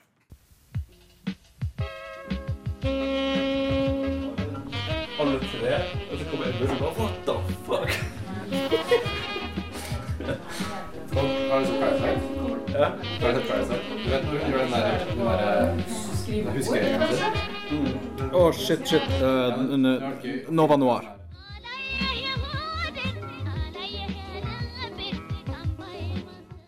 Yes, vi er tilbake i eh, studio. Eh, Jeg har med meg Karl Aksel og Astrid. Jeg er Daniel. Eh, Vi er fortsatt på sommersendingen vår. Vi bestemte oss for å ha badstue i studio i dag, så vi svetter driten ut av oss. Holder på å dø. Kommer nok til å krepere innen dette stikket er ferdig, tenker jeg. Ja, det blir deilig. Men eh, vi skal fortsette videre. Vi snakker jo om sommerfilmer. eh, og sommerfilmen vi skal snakke om akkurat nå, er Grownups. Kanskje den mest somrete sommerfilmen av sommerfilmer. Virkelig, fordi den her foregår i, under 4th of July weekend Altså- i eh, USA. Og det er jo det Eh, mest sommerlige i Norge noensinne. er jo Ja, ja, 4th of ja. July Weekend. I hvert fall hos meg. Jeg er halvt amerikansk. Er du? eh, nei da, jeg er ikke det. Eh, Du er litt amerikansk, da. Jeg er litt amerikansk. Eh, På en god dag. Jeg er på På 4th of July på Frognerparken av og til. sånn. Ser? Ja. Wow. Sear, Sear. som i serr liksom, på engelsk. Oh, sear. Sear. Oh, sear. Eh, nei, men uh, Grownups uh, handler jo egentlig om bare en vennegjeng som samles under 4th of July weekend. Og når jeg sier vennegjeng, så mener jeg ikke hvilken som helst vennegjeng. Jeg mener vennegjengen til Adam Sandler. Fordi alle vet jo at Adam Sandler bare castet vennene sine. ikke sant? Det er faktisk sant, da. Det er veldig sant. Det er veldig det, er bare, det er veldig gøy, for det, det virker som at det ble sånn folk fa fant ut av det. Og så er det alt alle sier om Adam Sandler hele tiden. Det er bare sånn, ja, men Han bare kaster vennene sine. uh, den uh, er uh, egentlig en veldig good vibed film. Mm. Det er jo litt dry, dårlig humor, fordi den har jo liksom ikke aga så bra. Eh, den er jo begynner jo å bli en par år gammel. En, en ting jeg merker med den filmen er at den, den etablerer sånn fem eller seks vitser helt til begynnelsen av, av filmen, og så bare drar den de vits, samme vitsene sånn Så langt den kan. ja, ti er ganger! altså, sant. samme vits ti ganger. Det er Og så er, er det, så det er 60 forskjellige vitser som bare er helt like. Mm. Det er kjempeirriterende å se på. Jeg liker at eh, altså Adam Sandler er bare så hemningsløs seg selv. Eh, og det virker som at Adam Sandler bare fant ut for veldig mange år siden at jeg skal bare spille meg selv. Ja. Og derfor så eh, trenger ikke jeg å uh, gjøre så gjør så mye mer. Og det tror jeg alle vennene hans er egentlig enige med òg. Eh, En ting jeg også syns er veldig eh, morsomt, og denne filmen her eh, eh, er et veldig godt eksempel på det, er jo at eh, Adam Sandler alltid har så veldig objektivt pene koner. Ja, men. Men kona, eh, kona hans er alltid med i filmen. Altså. Jeg tror ikke hun hadde en cameo i den her, men hun pleier å ha en cameo i eh, mange andre filmer. Men Ja. i, i ære Adam Sandler så har jeg faktisk listet opp de fem beste konene han har hatt i filmer noensinne. det er gøy! Det er veldig gøy! Vi begynner med på femteplass Drew Barrymore, 51st Dates. Eller 50, da. Eh, hun er jo Er dette spørsmål Ja. Når du sier de fem beste konene, er Ja. dette din egen subjektive Vi, vi sier objektivt. Det er objektivt. Nei, nei, det er jo de diggeste damene. Kom igjen, de diggeste damene til Adam Sandler. Jeg, jeg tenkte at jeg tok friheten å rate de diggeste damene i Adam Sandler-filmer. Nei, jeg tenkte bare, ok, Egentlig ikke kronologisk eh, ordre, da. Men ok, eh, Kate Beckinsale i Click 2006. De har også Jessica Beale i I Now Pronounce You Chuck and Larry. Eh, Vi har også to på denne her på Uncut Gems, andreplass. Julia Fox og oh. Idina Menzel. Ja. Han cheater jo på Idina Menzel med Julia Fox, Tenk som er den sjukeste affæren å ha ever. Oh, Gud. Og så til sist Salma Hayek i Grown Ups. Ja, som Ja. jeg syns er så gøy at eh, Sam Hayek helt tatt er med på dette her. Jeg vet ikke, altså jeg, det sier ut som at Sam Hayek er sånn super respected actor eller noe, men sånn, det er bare så Alt Sam Hayek er med i, så er jeg sånn Hvordan er det hun ble med på? Sånn som Eternals. Hvorfor er hun ikke. med i Nei, men Hun spiller en superhelt, liksom, og jeg bare klarer ikke å helt forstå hvorfor hun er med i filmer, tror jeg. Nei. Eh, Fordi hun er pen? nei, ja, hun er jo det. Penger, men, tenker jeg da. ja. Ja, pe Det er sikkert og veldig gode penger. penger i det. Hun har litt den Skjønner Sofia. Vergara-faktoren for Ja. meg. Den Ja, ja, hun bare Du vet ikke helt hvorfor hun er Og blir bare der. gigaobjektifisert, sånn Ja. som jeg gjorde med alle Ja, nei, ok. Men uansett. Men uh, jeg syns i hvert fall grownups hva, tenker jeg sommerviben i grownups. Er det, er det en, så får, kommer dere i humøret for sommerferien når dere ser grownups? Absolutt. Jeg, jeg nevnte i stad at jeg har sett Jeg ser, Dette er en eh, vond fakta å innrømme. Jeg ser denne filmen på ekte kanskje tre til fire ganger i året. Er du seriøs? Hvorfor det? Fordi jeg blir så glad av å se den. Jeg blir kjempeglad av å se den. Det er sinnssykt. Det er Den er jo ikke veldig bra. Det er mange filmer jeg vet om som men, men sånn, jeg bare blir så glad av å se den. Og når det er sånn, jeg vil bare ha en comfort-film. Jeg har kanskje hatt en litt dårlig dag, ikke sant? Og jeg bare Så skrur jeg på Grown opp, så bare blir jeg så glad, fordi de bare de tøyser. De, ba de er på badeland! Jeg forstår, det er, De er på badeland, og jeg synes også det er også en sånn der, det, det skal også være en liksom, historie om parenting, på en måte. Mm. Det skal være litt sånn Ja. foreldreomsorgsfaktor uh, inni Og det er så Og, sykt gjenkjennelig at å nei, vi kan ikke dra til Milano fordi kiden min vet ikke hvordan man spretter sånn, hva heter det? Trollsprett? ja, trollsprett, ja. Uh, er, Det er jo- er det det det heter? Er det vet ikke, jeg bare kastet ut noe. Hva heter det? Når man kaster Flyndre! Flyndrekast. Flyndre? Flyndresprett. Ja. Spretter sånn stein på vannet. Jeg tror i hvert fall Når det kommer til grownup, grown up, så er jeg eh, sånn likegyldig, egentlig. Jeg husker veldig godt at den gikk veldig mye på TV en stund. Mm. Uh, og Grown Ups 2 gikk også ganske lenge på TV en stund. Som jeg vil si, jeg vil si mange syns Grown Ups 2 Begge to har fått sånn der eternal meme-status, føler jeg. Eh, og det elsker jeg. Uh, jeg syns det er en veldig artig film eh, Mm. å se på sommeren. Eh, så jeg ville anbefalt dere å se denne filmen. Jeg er helt enig. Absolutt. Eller fire ganger i året. Eller fire ganger i Ja. året. Du er sinnssyk, du. Eh, på mange måter, ja. Veldig Jeg fint. synes. Eh, jeg tror vi skal eh, fortsette sendingen, eh, og etter dette her så vil dere få mer film. Er Inglourious Basterds den beste Tarantino-filmen? Nei, det er jo ikke det. Det er ikke det. det er, er det noen som mener noen av dere det? Nei. Sånn helt Ja. Du mener det? Ja. Film er best på radio. Nova Noir. Yes, Vi er tilbake i studio. Jeg er fortsatt her, men jeg har byttet ut Karl Aksel og Astrid med Karin og Alexander. Velkommen tilbake. Velkommen til min lille badstue. Ja, vet du hva. Jeg er uh, straks 30 sekunder unna fra Alf Hallom, uh, men før det så skal vi snakke om Dirty Dancing. Den store, store dansefilmen av 80-tallet. Vil si at den er jo uh, Vil du si at Dirty Dancing er kulturelt kanskje en av de mest sånn ikoniske 80-tallsfilmene lagd? Vil dere si dere enig, eller? Ja. Ja. Det vil jeg faktisk si meg helt enig i. 100 Eh, Jeg ville sagt at uh, Dirty Dancing uten den så ville vi nok ikke hatt uh, 80-talls memorabilia som vi har det i dag. Men en annen ting er det en god sommerfilm, Alexander. Jeg syns det. En oppfordring til å ikke ha sex uten kondom også. Oh, Ja, fy faen. Ja, pass på det. det, Ja, det, Det var faen ikke Det var ikke greit den tida. Det, det, det, det, var, det var veldig morsomt med den her, for at det, det er jo en film om dansing, men det, det er overraskende mye bad shit som goes Det er down som i denne filmen. kølla er som det man sitter igjen med. Uffa meg. Og det var sånn det ekle jente. Øh, Hun, øh, hun hadde ubeskytta sex på sommerleir. Hun blir gravid, og så går hun Herregud! Det er det vi gjorde på sommerleir, ja. Uh, Ja, det er jo det man gjør.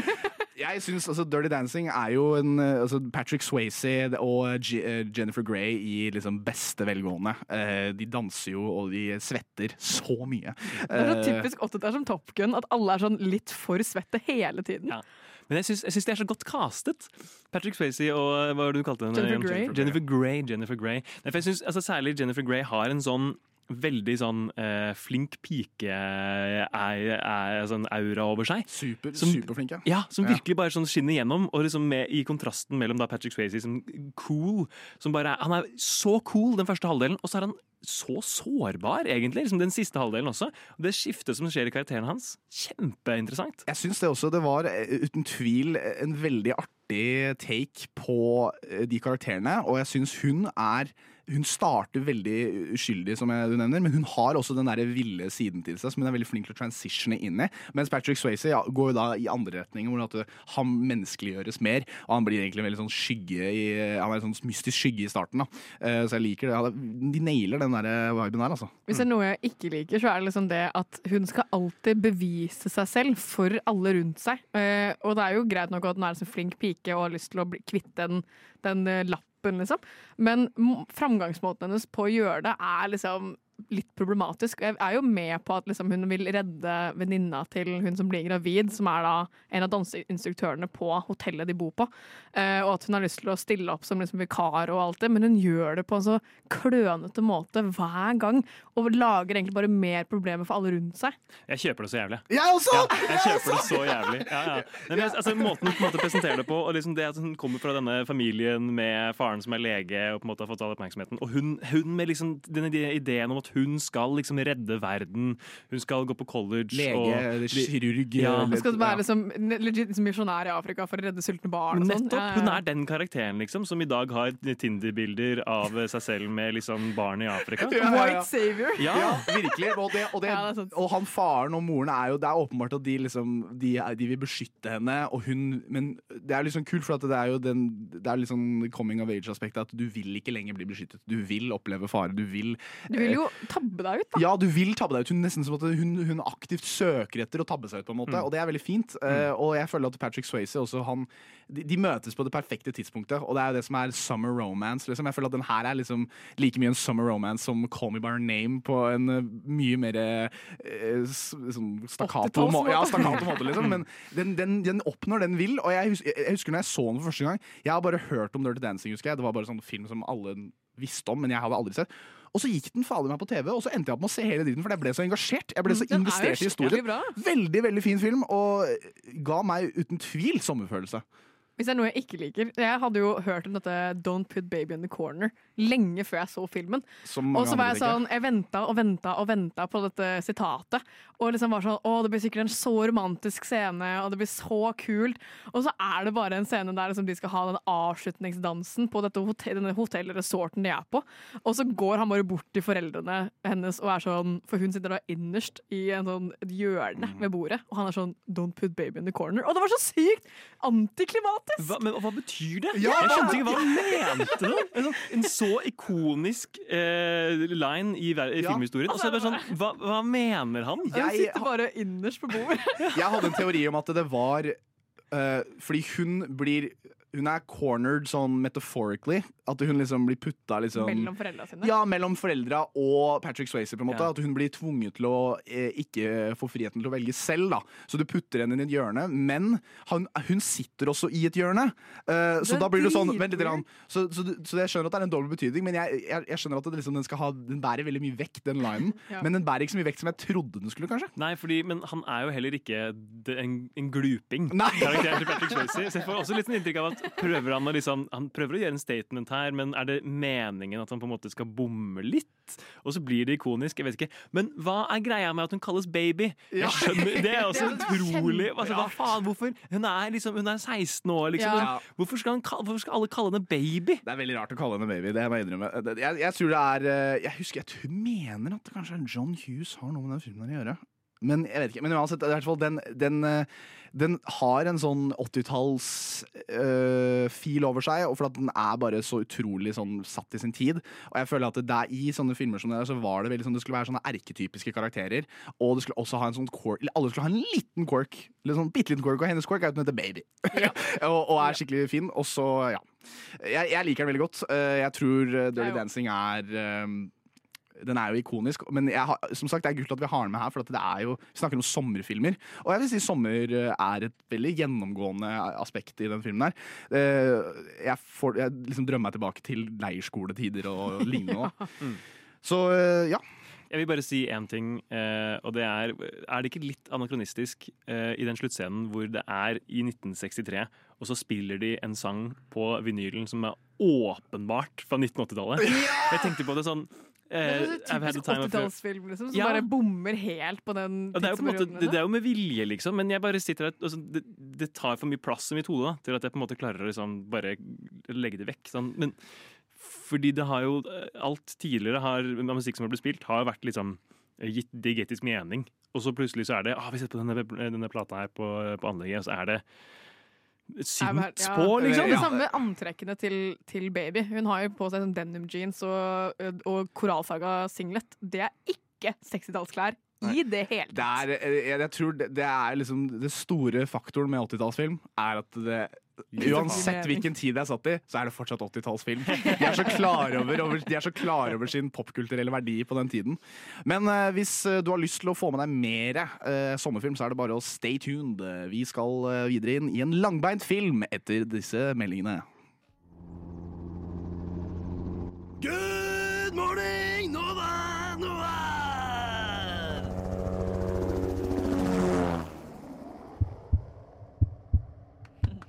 Wow, nervepirrende, Wow, Vi er fortsatt på den siste sendingen til Nova Noir. Jeg heter Karl Aksel. I studio med meg har jeg Jeg heter Johannes, og i studio har vi med oss Jeg heter Anne.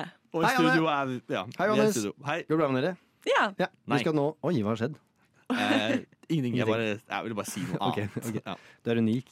Jeg er unik. Det er veldig bra. Vi skal snakke om en langbeint film i dag, vi. Ja, og for anledningen, eh, eller til ære for anledning, så står vi Ja, mens vi snakker. For vi er langbeinte i dag. Ja. Vi er faktisk alle ganske like høye, cirka. Ja, shit. ja, jeg tror jeg er høyest. Ja. Ok, kult. Videre til filmen.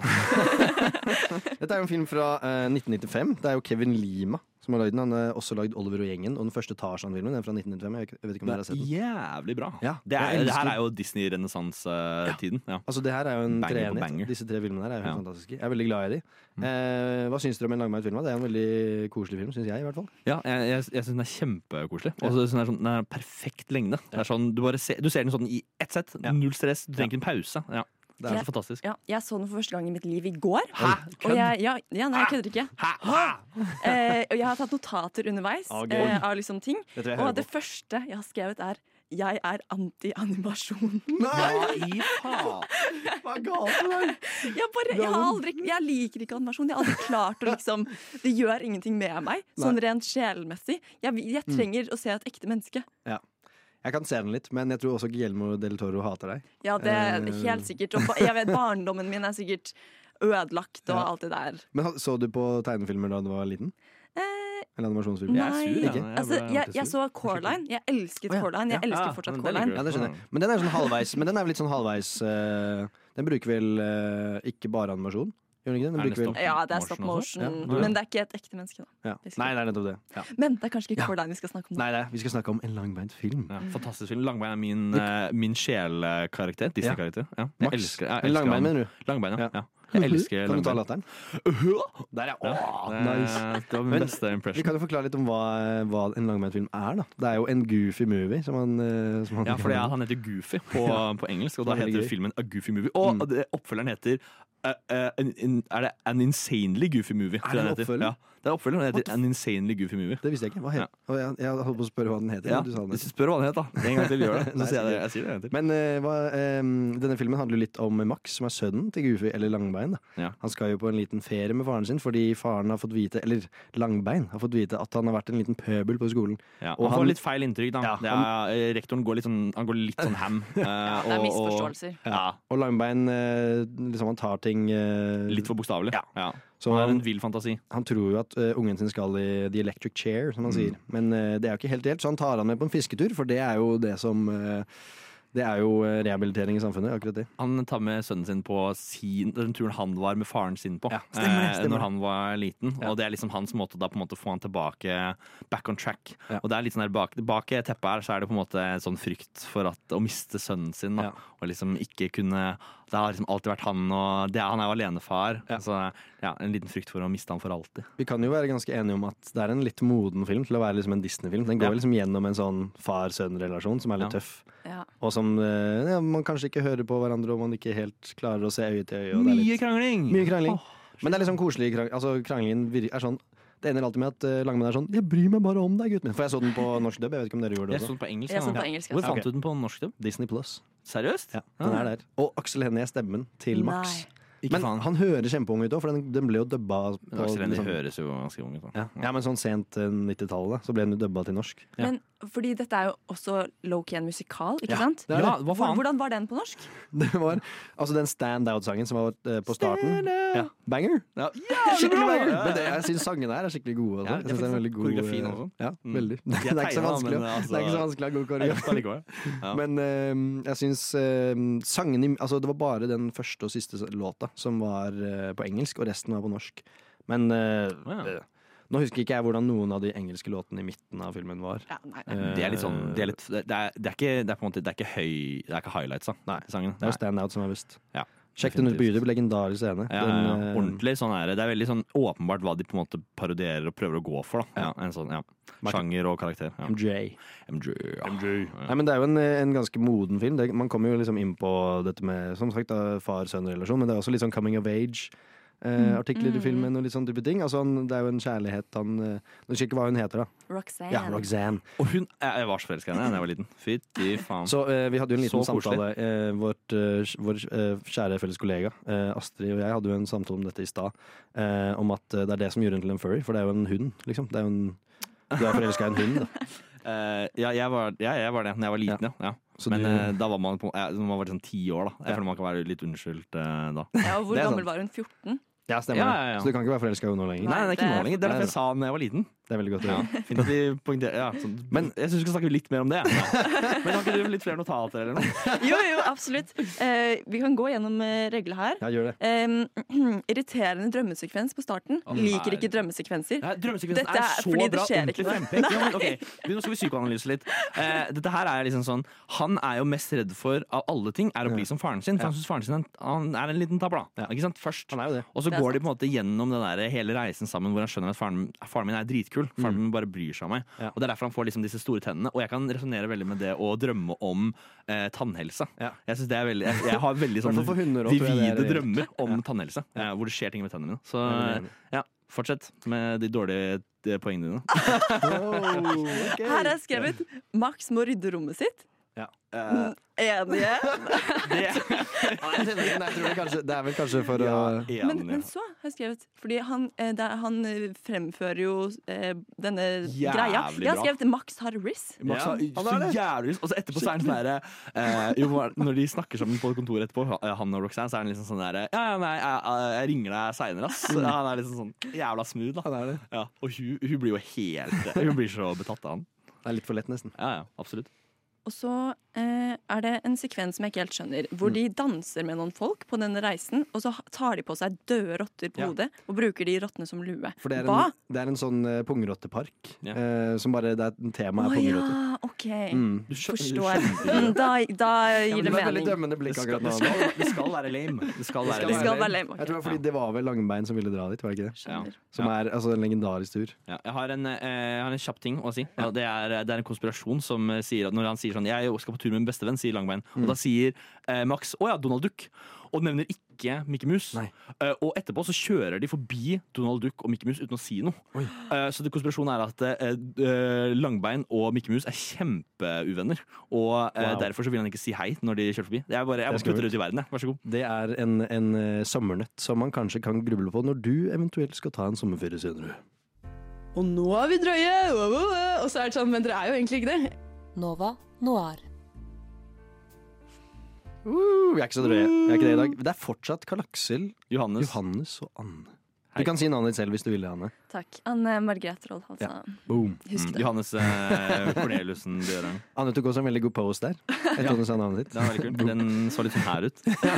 Det er bare vi som kan se det akkurat nå. Mhm, det er riktig.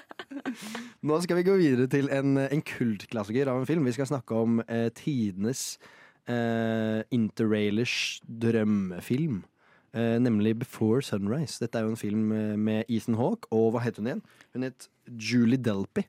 Eh, og de møtes da på tog på vei til eh, Paris, egentlig, men de går av i Wien begge to, og så bare er de sammen. En hel natt. Hvor lang, hvor lang er filmen? Ja. Eh, to kan timer, litt kontekst. Jeg har ikke sett uh, filmen. Jeg bare Wow. er her for å støtte. Johannes. så dere må si hvor lang filmen er. Ja, jeg tror den er rundt to timer. Jeg er ikke Det er veldig sikker. lenge, med tanke på at ingenting Er den så lang? Jeg tror Jeg tror- kanskje den er bitte litt kort. Nå, nå får vi Den bare føles lang, virker det som. Nei, ok. Ja. Jeg vet. Jeg har veldig er- mixed eh, reviews, har jeg ja, hørt om Jeg er enig. Den føles litt lang, men det er jo bare fordi det er, det er bare dialog. Det er, det er ingenting annet som skjer enn at de to prater sammen, og så bare går de rundt i byen. Som høres kjedelig ut. Men Mm. jeg ble Jeg syns det var en veldig Jeg synes det er en veldig fin film. Ja, altså, jeg elsker sånn dialogfilmer. Mm. Og jeg føler at litt sånn Johannes sa i stad at han trodde at den filmen eh, ikke var noe bra. Eh, men jeg føler at sånn grunnen til at vi ofte tenker at sånne filmer ikke er bra, er bare fordi de er, liksom, de er kjærlighetsfilmer, og de er filmer vi har Mm. laget for kvinner, og Ja, da er det alltid litt dårlig jentefilm, ikke sant. Mm. Men yes, de er skikkelig bra filmer. Ja. Det er liksom eh, jeg vet ikke, Og så føler jeg de utfordrer litt sånn de vanlige filmene som har liksom den klassiske dramaturgien. Mens i de filmene så er det sånn eh, De bare snakker, ikke sant. Så det er bare sånne randomme samtaler. Så ting går, eh, ting går hele tiden sånn opp Mm. og ned liksom i hver scene. Jeg har inntrykk av at det er sånn her film hvor eh, det er sånn har, vi har ikke noe manus. Eh, vi skal bare, bare, bare snakke sammen. Det kan eh, ses litt sånn på den måten. Altså, ja, det er, ja, men er det det? Er det, liksom, er det Eh, strengt manus, eller er det Jeg vet svaret på det. Wow. Eh, Ma- Manusstudenten, vær så god. Eh, filmen er jo skrevet og regissert av Richard Linklater. Så han har på en måte eh, Han har skrevet disse filmene, og så har eh, disse to sk eh, hovedskuespillerne De har fått manusene, og så har de selv kunnet liksom si sånn hvilke ting de liker, hvilke ting de ikke liker, hva føler de passer til karakteren. Og så har de fått lov til å være med på å skrive og endre. Eh, men, så det føles veldig sånn flytende ut, men manus er liksom Det er et ekte manus. Det er okay, ikke liksom ja. sånn at de har improvisert alt. sånn- Det er ikke sånn liksom. scenen er sånn her uh, OK, eh, moren din er akkurat død. Bare si det du føler.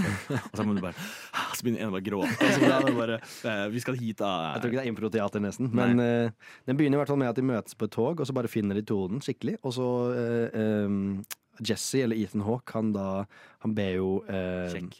Ja, sjekk. Ethan Hawke er sjekk. Fy faen. Han brukte veldig sjekk.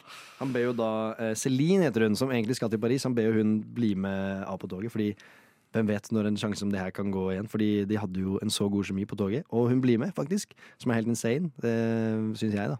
Men det er jo altså Det blir jo en god romanse mellom de, og de tar liksom sjansen på hverandre, som jeg syns er veldig søtt. Mm. Og det som også er veldig gøy, er at de snakket jo sikkert bare sånn en halvtime på toget, kanskje. Kanskje litt lenger. Eller det var jo kanskje Mm, noen ja. timer.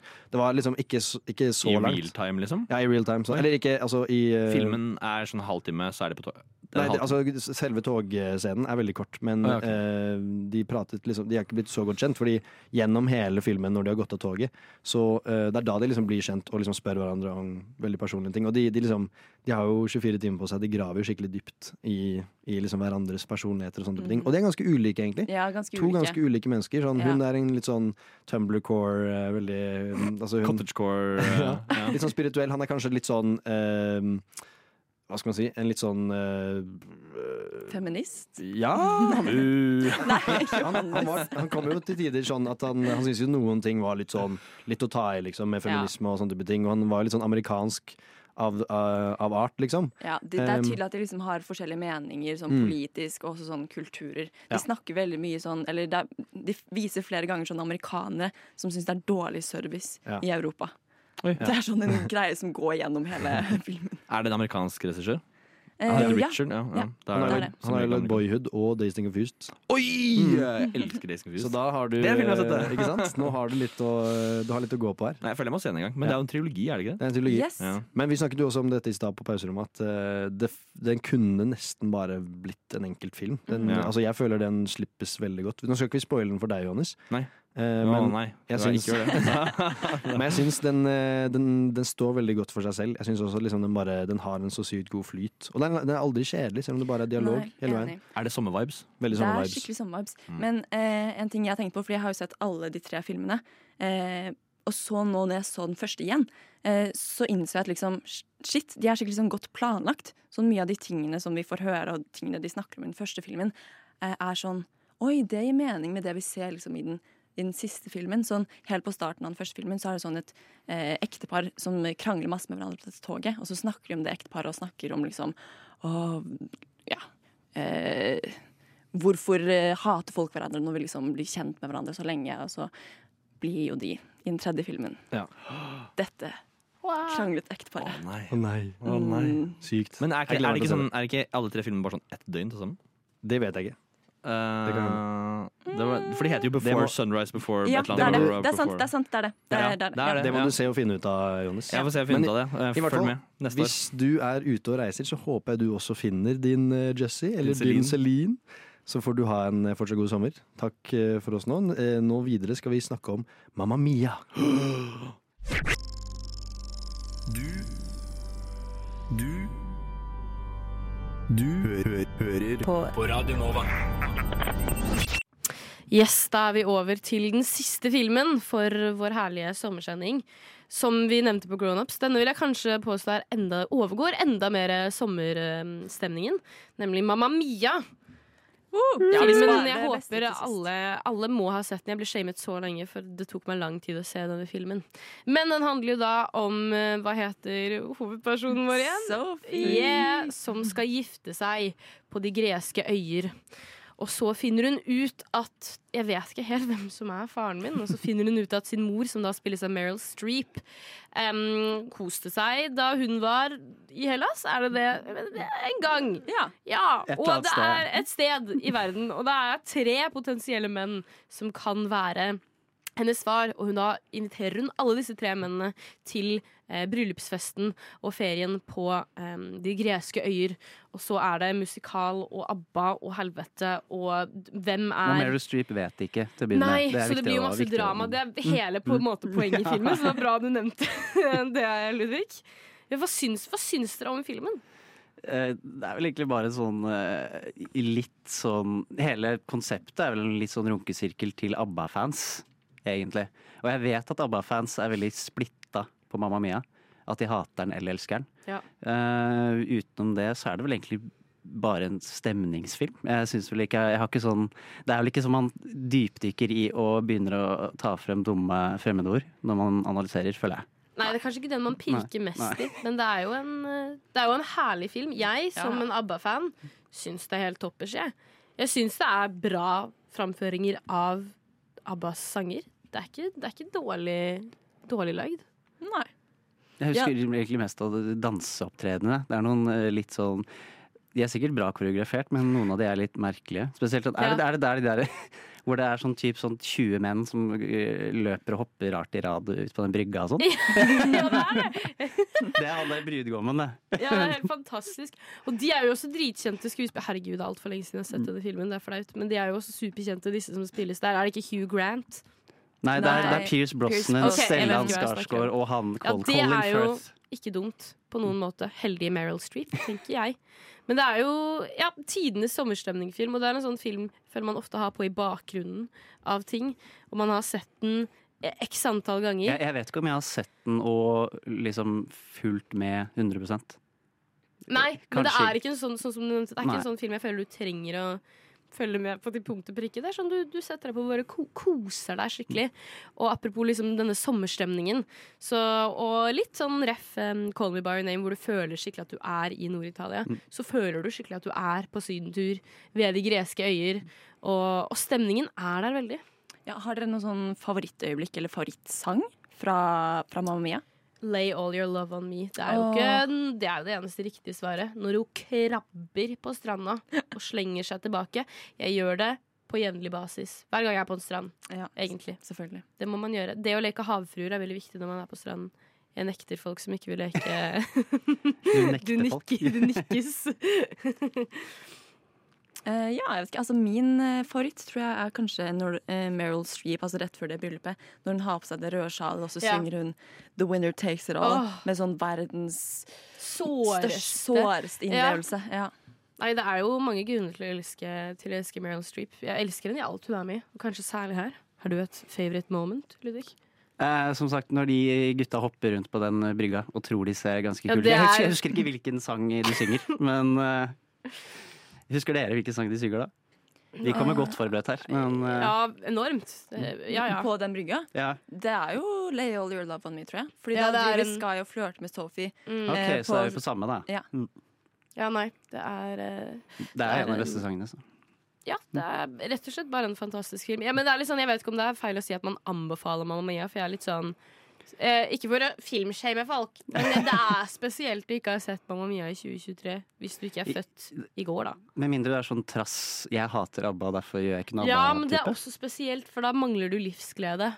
Jeg, liker, jeg er skeptisk til folk som er sånn 'Jeg liker ikke ABBA fordi det er, det er så vanlig musikalsk du, musikk'. de, okay. De burde få antidepp på blå resept. Ja, yes, det er Valium og Mm. Soloft, tenker jeg. Absolutt.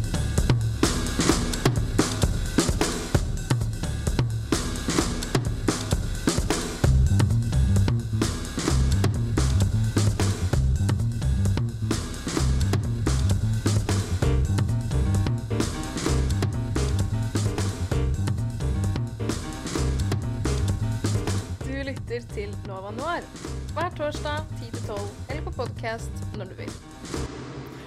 Og apropos jazzete stemning, eh, takk for oss her eh, fra Nova Noir. Vi har jo da jazzet oss gjennom en hel eh, totimersøkt her i studio med vår sommeravslutningsspesial, hvor vi har snakket om sommerfilmer, reisefilmer. Jeg, har, eh, jeg heter jo da Alexander og har med meg her i studio Anne. Johannes. og Ragnhild på teknikken. Og eh, vi skal jo da runde litt av, avslutte det som blir da sending, semesterets eh, siste sending, før vi ses tilbake her igjen i august. Høres tilbake her igjen i august. Vi ses, og lytterne og høres her igjen i august. Eh, har dere noen, noen ting dere har lyst til å si før vi tar sommerferie? Ehm, Jeg vet ikke. Jeg, jeg bare er veldig optimistisk. Jeg tenker at dette kommer til å bli en skikkelig bra sommer. Ja, jeg, jeg, vet du hva? jeg har egentlig samme følelse. Jeg, er sånn, Mm. dette her, jeg, jeg, har aldri hatt sånn, jeg har aldri vært så forberedt på en sommer. Dette, dette blir en sjuk sommer. Det blir Er helt det- utrolig. Er det varmen som eh, medbringer denne positiviteten, eller hva er det, hvor tror er det det det begynner? er humøret. Folk er så jævlig godt humør. Enig. Ja, det er veldig deilig. Nå, vi står og danser faktisk. Nå i studio. Vi klarer ikke å stoppe. Ja, det er dirty dancing i studio. Det her er dirty dancing i Mm, studio. Det er rubba off eh, på oss. Skulle ønske jeg var så god til å danse. Ja, vi kan ta en liten meringe her i studio etterpå når det har blitt litt eh, mer kjølig. Det er jo ikke til å skyve under en stol at det har vært varmt her i studio mens vi har holdt på. Eh, nei, men vi har jo da vært gjennom en hel rekke filmer. Om du kommer inn nå litt sent, eh, kjære lytter, så har du alltids muligheten til å gå inn på din lokale podkasttjeneste eh, og finne denne episoden som kommer til å være, ligge der ute litt senere i ettermiddag, eh, for å høre gjennom resten, hvis du er nysgjerrig. Hvis ikke så har vi jo en eh, stor katalog av alle de andre sendingene som vi har hatt i løpet av semesteret. Vi har jo hatt eh, sendinger hver uke bortsett fra én, tror jeg. Det er veldig godt jobbet av eh, redaksjonen å holde det gående på et såpass høyt nivå. Nei, så utenom det så gjenstår det vel egentlig bare å eh, takke for oss. Takk for dette semesteret. takk for semesteret. Det er mitt og Anne sitt første semester, faktisk. Ja. Vi er en gjeng med noobs inne i Ja, studiet her nå. Med, med deg, da, selvfølgelig. Eh, Ordentlig veteran. Nei, men, eh, men med det så tror jeg kanskje vi skal eh, gi oss eh, for nå. Vi ses igjen i august, og husk at det alltid finnes mer der ute om du er nysgjerrig på mer fra Nova og fra Nova Noir. Du vet hvor du finner det. Radionova.no. Tusen takk til Ragnhild på teknikken som har holdt ut her i varmen. Vi unner henne å komme seg ut og trekke litt frisk luft nå som vi er ferdige. Ha det bra! Ha det!